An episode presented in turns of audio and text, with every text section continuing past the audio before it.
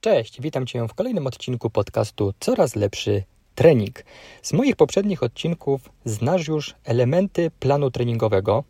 Myślę, że już powinieneś ustalić swoją optymalną, no i przede wszystkim możliwą do zrealizowania częstotliwość treningów w tygodniu. Możliwą do zrealizowania pod kątem Twojego kalendarza tygodniowego. Teraz powinieneś wybrać sobie odpowiedni dla siebie system treningowy. A dzisiejszy odcinek pomoże Ci w podjęciu odpowiedniej decyzji. Natomiast jeszcze taka jedna uwaga na sam początek. Zanim w ogóle weźmiesz się do wyboru systemów treningowych, doboru odpowiednich ćwiczeń, ustawienia schematów treningowych, to pamiętaj, że najważniejsze jest to, abyś odpowiednio zoptymalizował i usprawnił działanie swojego aparatu ruchu. Dopiero wtedy możesz się wziąć za kolejne swoje cele, którymi może być budowa masy mięśniowej, poprawa wyników siłowych w poszczególnych ćwiczeniach, e, nie wiem, zrobienie pierwszych pięciu podciągnięć na drążku, czy w ogóle pierwszego podciągnięcia na drążku. Dopiero kiedy będziesz miał ogarnięty swój aparat ruchu. Dobra? Dopiero wtedy możesz się brać do wyboru systemów treningowych i innych rzeczy. Ok, lecimy z tematem. System treningowy numer jeden to jest trening całego ciała, czyli full body workout, w skrócie FBW. Polega on na trenowaniu całego ciała, czyli trenujesz na każdym treningu wszystkie główne partie mięśniowe. Na każdej sesji treningowej trenujesz całe swoje ciało. Kolejność wykonywania trenowania poszczególnych partii, wykonywania ćwiczeń możesz ułożyć następująco. Możesz zdecydować o ich kolejności według tzw. Tak wielkości poszczególnych partii, zaczynając od największych, ponieważ jakby ćwiczenia wykonywane na największe partię mięśniową będą po prostu męczyły cię najbardziej, dlatego warto zacząć od nich. I tutaj możemy zacząć od mięśni kończyn dolnych, czyli mięśni nóg, przechodząc do mięśni pleców, mięśni grzbietu, następnie mięśnie piersiowe, naramienne, na koniec ramiona, ewentualnie brzuch. Możemy to też ustawić według partii współpracujących obok siebie. Na przykład zaczniesz od treningu znowu kończyn dolnych, czyli nóg, będziesz przechodził do treningów pleców, ponieważ też biorą e, dużą rolę w stabilizacji chociażby mięśni najszerszych grzbietu, bierze duży udział w stabilizacji podczas e, martwego ciągu, podczas przysiadu. Dlatego można już płynnie przejść z ćwiczeń na kończyny dolne, można przejść do ćwiczeń na plecy. Następnie, ponieważ przy ćwiczeniach na plecy i tak będzie Ci się angażował biceps, no nie da się tego e, uniknąć w takich ćwiczeniach chociażby jak podciąganie, jak wszelkiego rodzaju wiosłowania, biceps będzie się angażował i nie da się tego uniknąć. Następnie możemy przejść do mięśni piersiowych, a skoro piersiowe, to one zazwyczaj współdziałają z mięśniami naramiennymi przy wszelkiego rodzaju wyciskaniach i na koniec mięśnie trójgłowe ramienia. Możesz też, za, możesz też y, swoje ćwiczenia ustawić w kolejności tak zwanego priorytetu, czyli po prostu najpierw trenujesz ćwiczenia i partie, które przede wszystkim chcesz rozwinąć. Na przykład najbardziej zależy Ci na rozwoju klatki piersiowej, więc zaczynasz od ćwiczeń na klatkę piersiową, kiedy masz tą największą świeżość, kiedy masz najwięcej sił. To wtedy, wtedy, wtedy właśnie trenujesz mięśnie klatki piersiowej. Przykładowy dzień z programu FBW możesz zobaczyć na, e, w artykule na moim blogu coraz lepszy trening.pl. Natomiast uważaj, bo to są tylko i wyłącznie przykłady. Proszę cię, nie kopiuj ich, ponieważ jakby nie znasz osoby, dla której został ułożony. Nie wiesz, jakie są jej cele, nie wiesz, jakie są jej predyspozycje siłowe, nie wiesz, e, jakie jest jej doświadczenie treningowe, jakie ma możliwości, przebyte kontuzje, urazy, jaki jest jej stan medyczny i tak dalej, i tak dalej. Więc proszę cię, nie kopiuj żadnego z programów treningowych, jakie zamie będę zamieszczał kiedykolwiek na swoim blogu coraz lepszy trening.pl, czy będę omawiał tutaj w podcaście, ponieważ no, nie są one dopasowane bezpośrednio do Ciebie. To jest zresztą jeden z wielkich błędów osób początkujących, które ściągają gdzieś tam z internetu, z różnych forów czy z YouTube'a programy treningowe zaawansowanych osób, na przykład słynne programy treningowe zaawansowanych kulturystów, jak chociażby Arnolda Schwarzeneggera, nie wiem, Doriana Yatesa.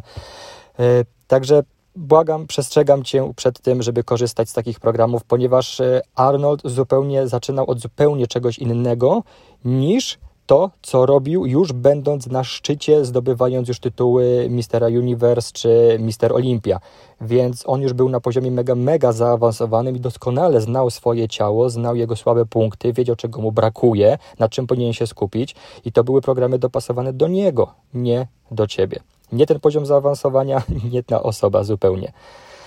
Y, drugi system treningowy to jest trening dzielony góra-dół, upper, lower split. I on jest dla kogo?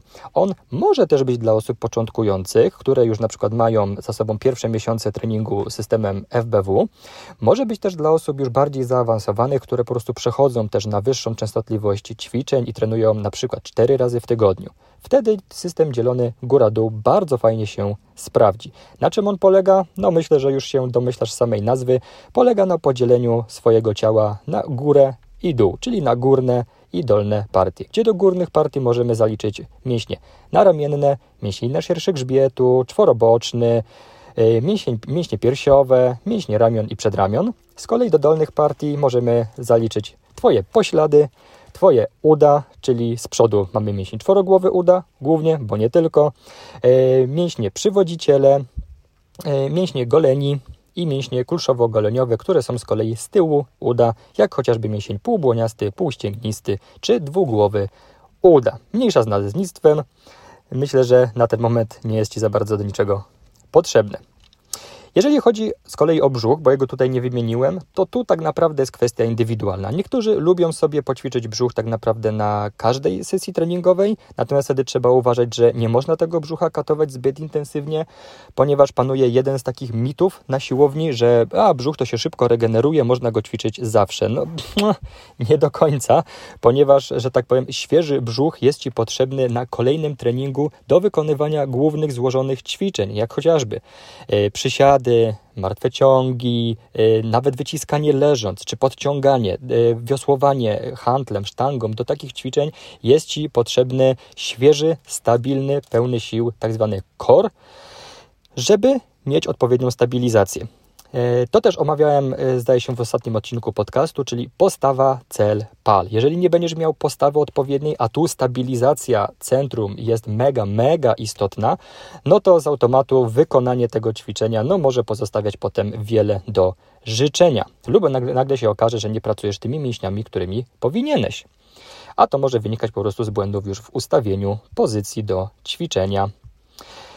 No i Mamy przykładowy znowu dzień z programu Góra-Dół. Jest przedstawiony na blogu coraz lepszy trening.pl w artykule pod tytułem Jak dobrać dla siebie system treningowy plus przykłady.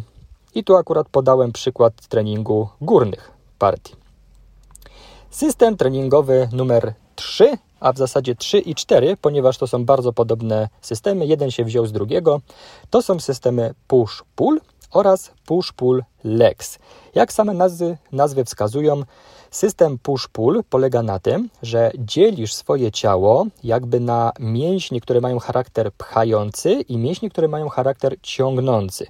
W systemie push-pull legs wyróżniasz jeszcze z tego odrębny trening nóg, czyli w tym momencie masz trening push górnych partii, trening pull górnych partii i osobny trening całego dołu ciała.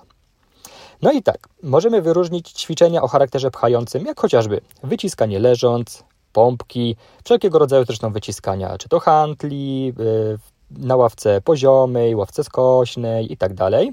E, ćwiczenia na triceps zazwyczaj mają charakter pchający. Jeżeli chodzi o, y, o ćwiczenia ciągnące, no to będą wszelkiego rodzaju wiosłowania, handlem, e, kettlebellem, sztangą, E, podciągania czy przyciągania na wyciągach, jak chociażby na wyciągu dolnym przyciąganie uchwytu do brzucha, czy na wyciągu górnym przyciąganie uchwytu do klatki. No i oczywiście osobny będzie trening nóg. Natomiast jeżeli wybierasz wariant push-pull i w tym momencie jakby nogi włączasz też do tego podziału, no to chociażby e, ćwiczeniem push będą wykroki, będą przysiady bułgarskie, będą klasyczne przysiady, czy wyprosty kolan na maszynie, a pull no to będą chociażby uginania kolan na maszynie, e, uginanie kolan ze stopami w TRX-ie. Jeżeli chodzi o martwy ciąg, tutaj tak biomechanicznie większość zalicza go do pól, ale to szczerze mówiąc jest taka mieszanka push i pull, ponieważ z jednej strony przyciągasz aktywnie cały czas sztangę do tułowia, ale tak naprawdę to, co ty robisz, to się odpychasz, wręcz można powiedzieć, nogami od ziemi, całkiem podobnie jak w przysiadzie. Natomiast y, no, martwy ciąg z tego względu wziął się jako ćwiczenie typu pull, no ponieważ przyjęło się mówić, że no, ciągniesz tą sztangę, tak?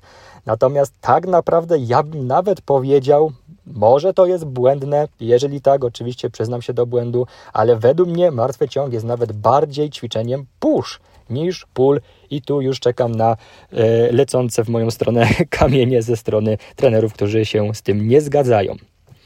I oczywiście przykładowe programy zarówno z systemu push-pull, jak i push-pull legs zaprezentowałem na blogu coraz lepszy trening.pl.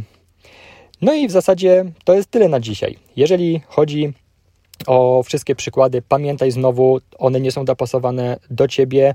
Ja raczej kieruję swoje treści do osób początkujących. Jeżeli chciałbyś skorzystać z któregoś programu, to błagam cię, nie kopiuj go bezmyślnie, ponieważ możesz sobie tak naprawdę bardziej zaszkodzić niż pomóc którymkolwiek z tych programów.